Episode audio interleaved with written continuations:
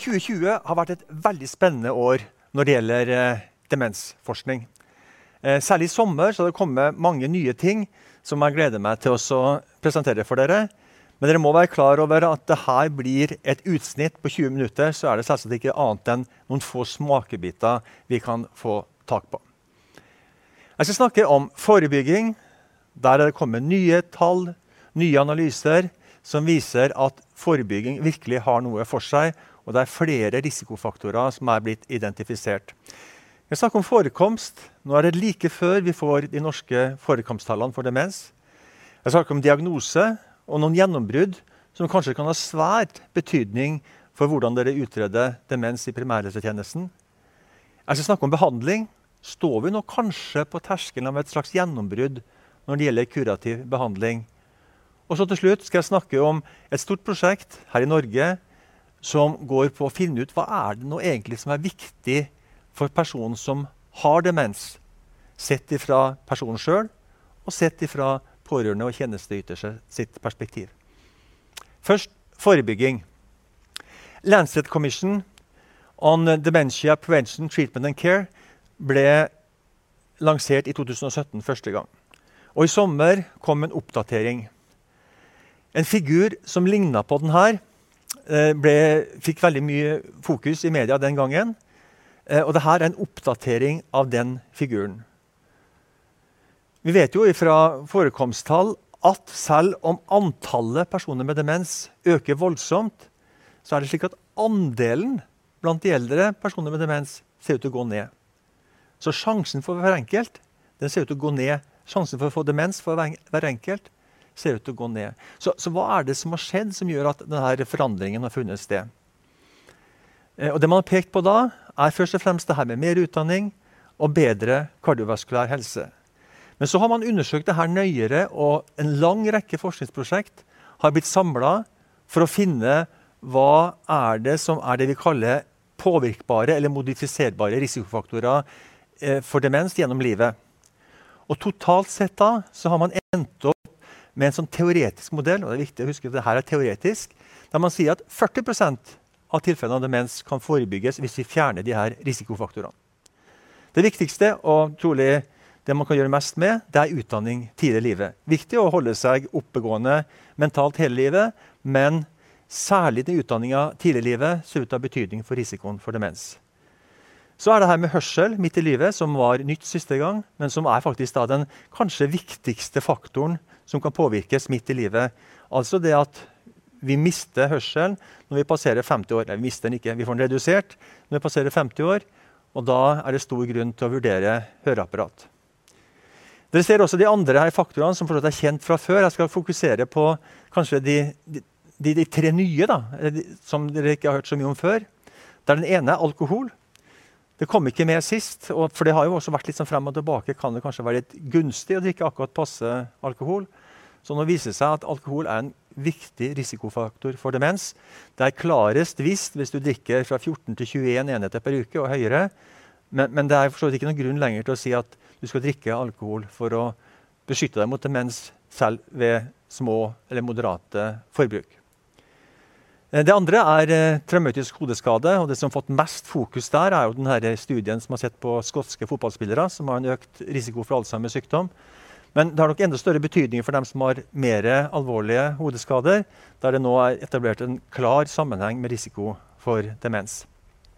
Og Det tredje er forurensning, småpartikkelforurensning, som nå også er godt dokumentert har en risikofaktor for demens, og som selvsagt har ganske store sånn, samfunnsmessige implikasjoner.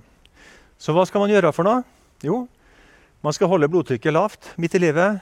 Helst under 130 mm kvikksølv overtrykk. En skal bruke høreapparater, en skal legge til rette for å redusere luftforurensning og passe seg for passiv røyking. En skal forebygge hodeskader, begrense alkoholforbruk, slutte å røyke. og Det kan du gjøre til langt ut i livet og likevel få en risikoreduksjon. Du skal sørge for at barn får god utdanning. Du skal redusere overvekt og tilstander som knytter til overvekt, som diabetes. Og så skal man være fysisk aktiv og så skal man passe på å opprettholde sine sosiale nettverk. Hva som er forekomst? Helt kort bare om det. Om to og en halv måned så har dere norske forekomsttall. Jeg vet faktisk hva de er, men de er hemmelige. for De skal kvalitetssikres den tida, men det blir da offentliggjort i tilknytning til, til demenskonferansen. Enda en god grunn til å delta på demenskonferansen. Jeg skal bare rekapitulere kort hva vi har gjort for noe. Jo, Vi har tatt utgangspunkt i helseundersøkelse i Nord-Trøndelag. og Der har vi undersøkt til sammen 9930 stykker. Vi har gjort mange ting, men en av dem er at vi har brukt denne kartleggingsskjemaet, som er en slags konkurrent da, til Mine mentalstatus, som dere er vant med å bruke. Eh, Montreal Cognitive Asset-menneske, eller MOCA, den skiller seg fra MMSI ved at den er noe vanskeligere. Dvs. Si at den differensierer bedre i det eh, området med lett kognitiv svikt. Eh, og den er kanskje bedre til å diagnostisere andre typer demens enn Alzheimer sykdom. Et sånt resultat fra det skal jeg vise dere. Det er det her som viser en oversikt over gjennomsnittlig MOCA-score eh, fordelt på aldersgrupper og utdanningsgrupper. Og Her ser vi veldig tydelig et viktig fenomen. Jo eldre du blir, jo vanligere er det å score lavt på moka. Altså Fra en 70 til 74-åring som har eh, bare grunnskole, er det gjennomsnittet 23. Mens for en 85 pluss så er gjennomsnittet 17,1. Det vil si at du kan score ned mot 11-12 eh, av 30 poeng på Moka og likevel ikke ha demens. Det var veldig betryggende for oss å se her at det er en klar utvikling både med hensyn på alder, altså jo eldre du blir, jo lavere score har gjennomsnittlig, og med hensyn på utdanning. Jo høyere utdanning du har, jo høyere score har du gjennomsnittlig. Så til noe dere driver mye med diagnose. Og nå skal jeg snakke om den biten som har med biologiske markører for diagnose, eller biomarkører. De markørene er særlig viktige når det gjelder å diagnostisere Alzheimers sykdom, og kanskje enda særlig viktigere ved å diagnostisere Alzheimers sykdom i tidlig fase, kanskje før det er blitt demens. til og med. Og det er Noe som er blitt foreslått, det er ATN-systemet. Eh, en oversikt for å definere da, det biologiske, eller biomarkørene ved Alzheimer sykdom. Og Her er det litt vanskelig, men vi må på en måte legge ambisjonslivet høyt. der. Dere, dere, kan mye, så her får dere følge godt med. Det, her Biomarkørene fordeles da i tre grupperinger. Man kaller det A, T og N. Og A det er mål på det vi kaller aggregert betamyloid. Altså Betamyloid det er det stoffet i hjernen, det proteinet som hoper seg opp ved Alzheimers sykdom, og som vi tror er det som gir sykdommen, eller i hvert fall starter den kaskaden som gir sykdommen. Hvordan kan du måle betamyloid? Jo, det kan du måle ved spinalvæske. Ved å måle enten noe som heter betamyloid 42, eller forholdet mellom betamyloid 42 og betamyloid 40. Det er ikke så viktig, men det er altså spinalvæske.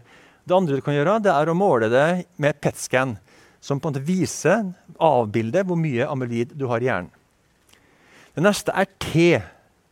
Det er et annet protein som heter tau, som man tror da kommer etter amyloid denne kaskaden. Eh, det er altså det som heter fosforilert tau, som er en undergruppe av tau, og som kanskje noen av dere har hørt betegna som nevrofibrillære trådfloker. Og Alzheimer, da han beskrev det her for over 100 år siden, han så også de tingene her. Han så betamyloid, og han så nevrofibrillære trådfloker. Men han visste ennå ikke da hva det var for noe. Men vi har faktisk bildene fra hjernen til Auguste Deter, så vi kan også se det alle Alzheimer så da i 1906. Eh, T det kan vi måle igjen med spinalvæskeprøve, noe som heter fosforert tau. Og man kan måle det i, uten Norge i, med PET-scan, som da viser hvor mye tau du har i hjernen. Men Den er da ikke tilgjengelig i Norge ennå, klinisk sett, men jeg tror den kommer i løpet av kort tid. Siste er da N, som er det vi heter nerveskade, nevrodegenerasjon. Og Det er vi mer kjent med. Det kan vi måle med MR, som viser at vi får det skrumper enkelte hjerneavsnitt. Vi kan vise det med FDG-PET, som viser funksjonen til hjerneområder. Og vi kan ta det med spinalvæske, altså totalt tau. Men det som er felles for alle de her, det er at undersøkelsene ikke er så lett tilgjengelige for dere som utreder demens i primærhelsetjenesten. Så kan man diskutere om det er nødvendig, men i hvert fall så tror jeg hvis noe ambisjonsnivået for, for, for utredning i primærhelsetjenesten skal økes, kanskje må det, så må man ha tilgang på denne type undersøkelser. Bare helt kort, Her ser dere noen bilder av MR fra normalt MR. Nå skulle jeg egentlig hatt pekt for det, så dere sett hvor det er, men et område der i mediale temporallapp så ser du at det fra å være ganske tett, så blir det et stort hull. Det er da forandringene fra helt normal hjerne til en hjerne med ganske uttalt Alzheimer. Og Her ser dere da det samme, altså normal hjerne til høyre og en hjerne med Alzheimer til venstre. Da vi ser øverst bildet av funksjon, så bilde av struktur, og til slutt bilde av hvor mye amyloid det er i hjernen. Men så hovedpunktet mitt med å ta fram det her. I sommer ble det publisert en studie som viste at en blodprøve kunne diagnostisere Alzheimers sykdom med samme presisjon som de andre undersøkelsene her har vist til. Og egentlig med bedre presisjon. Dette trenger å repliseres, det trenger å gjøres om igjen i andre typer utvalg, men det er ekstremt lovende funn. Som igjen gjør at hva skal jeg si, diagnostiseringa med bruk av biomarkører demokratiseres ved at det blir mye lettere tilgjengelig også for primærhelsetjenesten. Hva så med behandling? Kan vi være på terskelen av å få en kurerende behandling? Tja. Denne figuren har vist dere før fra dere som har vært på tidligere hukommelsesteamkonferanser. Bare igjen rekapitulere. Hva er det vi tror er årsaken til Alzheimers sykdom? Jo, det er dannelsen av betamyloid, eller A-beta40, som det står der. Som dannes ved at et protein som heter forkortes APP, brytes ned med noen enzymer. Og noen av enzymene bryter ned på en gunstig måte, slik at det kan skilles ut uten at det danner betamyloid. Men noen andre enzymer de tar og bryter ned på en ugunstig måte. Og da har man prøvd å hemme de enzymene som bryter ned her på en ugunstig måte, men det har ikke vist seg å fungere. Så hva gjør man da? Jo, da prøver man å ta vekk betamyloid som allerede er danna. Og det gjør vi ved å skape en immunologisk reaksjon. Og Det begynte vi med rundt 2000-tallet. Eh, Den første runden gikk det fryktelig dårlig, for du skapte en altfor kraftig immunologisk reaksjon. Så folk fikk eh, hjernebetennelse, og noen døde av det. Naturlig nok ble forsøket stoppa umiddelbart. Men når man da obduserte de her personene etterpå, så viste det seg at den immuniseringa hadde redusert mengden amyloid i hjernen. Nå har man senere greid å stoff, lage stoffer som gir en immunologisk reaksjon som ikke er for kraftig, og som greier å fjerne amyloid i hjernen. Dessverre har det så langt ikke virka. Og da har man forklart det på to måter. Det ene er at vi er på villspor. Dette har ikke med betamyloid å gjøre. Betamyloid er bare en markør. Eller vi er på feil tidspunkt. For dere som ser av den figuren her, så viser den når betamyloid begynner å bygge seg opp i hjernen, og når tau-skaden begynner å manifisere seg i hjernen altså Betamyloid er den røde, tau er den blå. Dernest er det da hjernestrukturen som blir påvirka. Så får vi lette hukommelsestap. Og først langt til høyre, når det har gått mange år, så begynner man å huske så dårlig for eksempel, og fungere så dårlig at man kvalifiserer for å få diagnosen demens. Da har det kanskje gått 20 år siden betamyloid begynte å bygge seg opp i hjernen. Og De som da vil fremme denne hypotesen, de sier at hvis du skal behandle denne sykdommen, Alzheimers sykdom, så må behandlinga settes inn på et tidligere tidspunkt. Og det er krevende. Nå I sommer så har vi fått da informasjon om noe som heter adekanumab. Eller vil si vi har visst om adekanumab i mange år. MAB det betyr bare at det er et antistoff. Det er noe som setter i gang en immunologisk reaksjon i hjernen som gjør, nei, som gjør kroppen i stand til å fjerne eh, det stoffet som er da, i tilfellet her betamyloid. Det er det mye det samme vi ser ved vaksiner, som vi hører masse om nå. Altså lage et antistoff som kan gjøre kroppen gjøre jobben sjøl. Her er et bilde av adekanumab, eller en del av det i hvert fall, som dere ikke trenger å pugge. Bare for å vise at det er en relativt komplisert struktur som, som, ligger der, som da binder seg til betamyloid. Og Poenget med aducanumab som gjør det ekstra interessant, det er at det binder seg ved forskjellige stadier av denne aggregeringa, som vi sier. For når vi bryter ned APP, så får vi først bare et, det vi kaller et monomer, et sånt lite molekyl. Men så binder det seg sammen med flere, så det blir større og større og større, til det slutt blir plakk, som det var det Alzheimer så. Og på hvert av disse stadiene så kan det hende at det her stoffet blir toksisk eller giftig. Det som er spesielt med adekanumab, det er at det virker på flere av disse stadiene. Det var ekstremt lovende i 2015 da man fikk de første resultatene fra adekanumab. Alle var liksom over seg av nærmest skal si beundring, fordi at det her fjerna virkelig eh, betamyloid på en utmerket måte både i dyremodeller og i menneskemodeller. Så I 2015 ble to svære studier starta, Engage og Emerge. Eh, og når vi da satt og venta på resultatene av det, så sier man plutselig i mars 2019 at nå avslutter vi det her studiene. Som dere kaller mellomanalyser, eller preliminære analyser, de viste at det ikke hadde noen effekt. Så man kan ikke forsvare å gå videre. Så kommer det en ny pressemelding i november 2019 som sier at ja, nå har vi fått analysert flere data. Og så viser jeg at i hvert fall én av studiene viser effekt. Merkelige greier. Og en del tvilende eh, hva skal jeg si, reaksjoner på det. Kan dette være tilfellet? Men nå viser det altså FDA, da, det amerikanske byrået som godkjenner medikamenter, har da bestemt seg for å gjøre det man kaller en priority review. Altså en rask gjennomgang for å kunne så tidlig som i mars eventuelt si om denne godkjennes som en kurerende behandling. Virkelig spennende, men det gjenstår som sagt å se om det, om det her vil være det gjennombruddet som alle går og venter på, fordi resultatene fremdeles er noe tvetydige. Så til slutt, på en måte kanskje det viktigste det er en ting at De forebygger demens. Det er et langsiktig arbeid som kanskje begynner i allerede i ungdomsårene. og Vi ser resultatene først om mange år. Og, og det å kunne gi en kurerende behandling vil uansett være ganske mange år fram i tid. Hva så med det som er viktig for personer med demens? Dette er en rapport som jeg håper alle får tid til å lese grundig. Det er en del av Demensplan 2020. og Den prøver å ta tak i hva er det som personer med demens opplever som viktig for dem. Og hva er det pårørende opplever at det er viktig for personer med demens? Og hva er det tjenesteytere opplever at det er viktig for personer med demens?